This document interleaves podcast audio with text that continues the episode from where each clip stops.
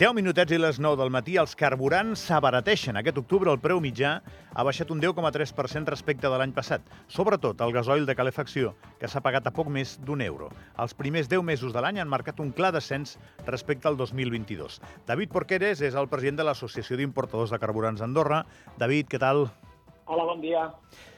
I aquest descens l'hem d'atribuir, òbviament, a causes internacionals. Això és així. A Andorra no tenim aquest poder de, d'influència en, en el preu del carburant, però creus que totes les butxaques ho estan notant igual, això, David?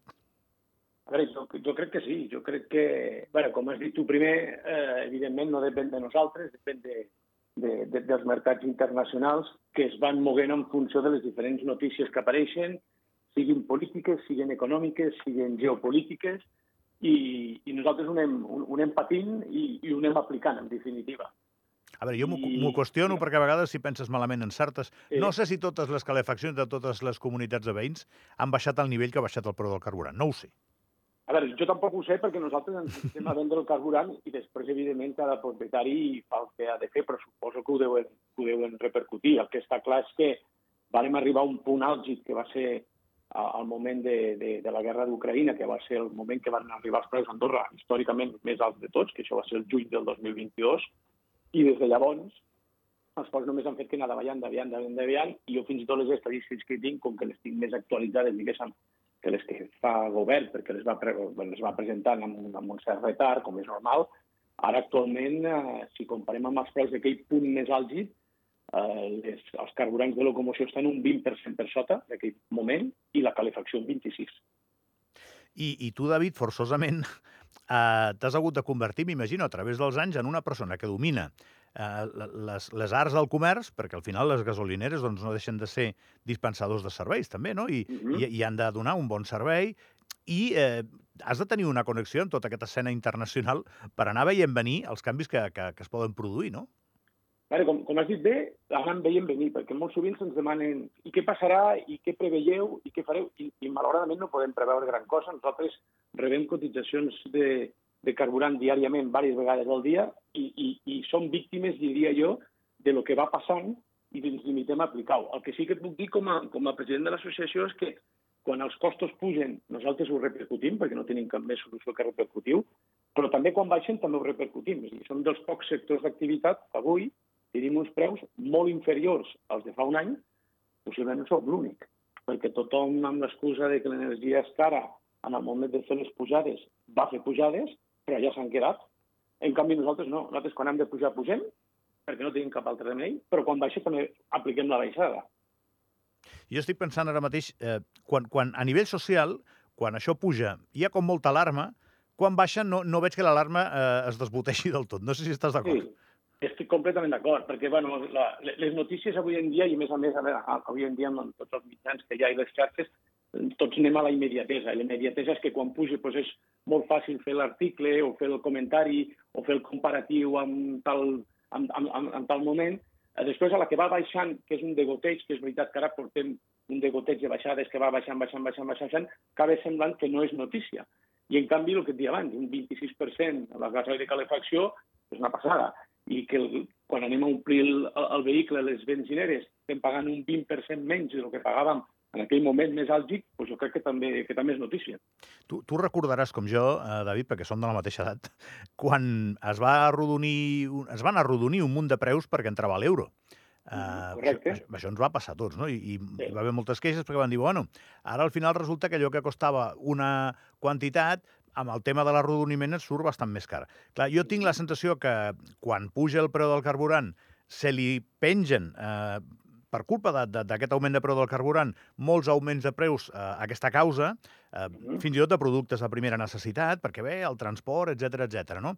I després, quan baixa el carburant, jo no crec que baixin els preus d'això. De moltes coses no baixen, es queden com estaven. Sí, sí, és el que t'he dit abans. Que... Sí, o sigui, us pengen una miqueta al mochuelo.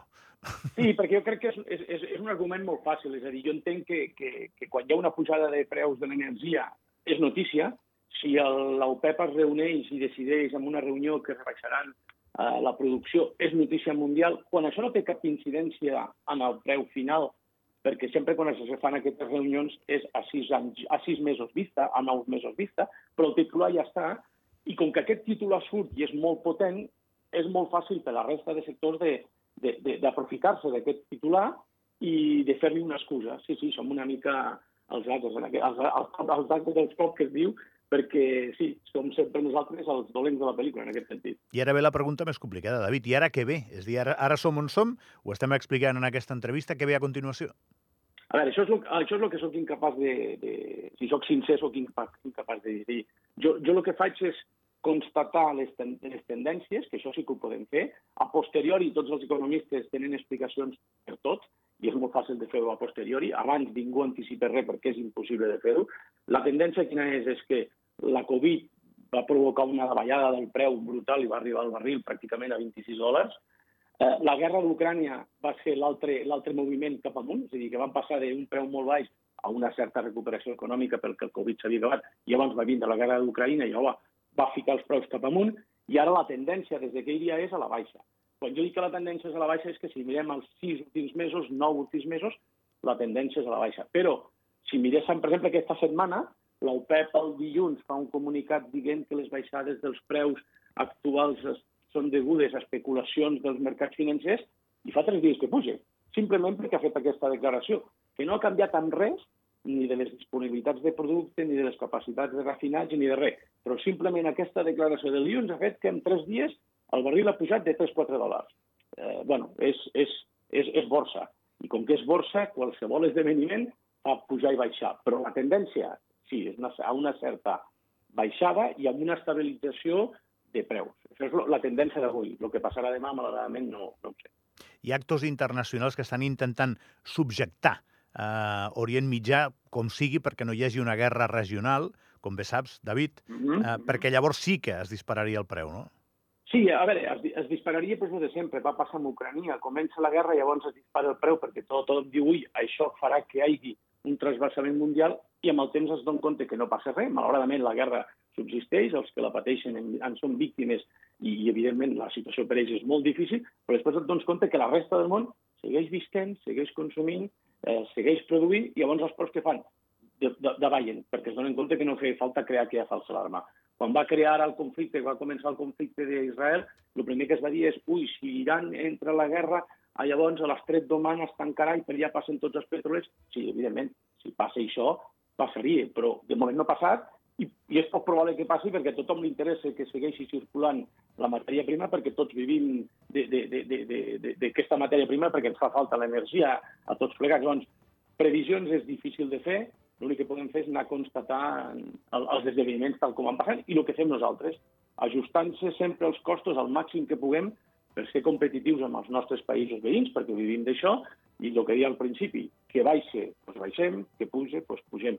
Però no fem com, com la major part dels sectors que pugi i allà ens quedem i allà ens quedem i ens hi quedem per sempre. Gràcies, David Porqueres. Una abraçada. Eh? A vosaltres. Bon dia. Que vagi molt bé.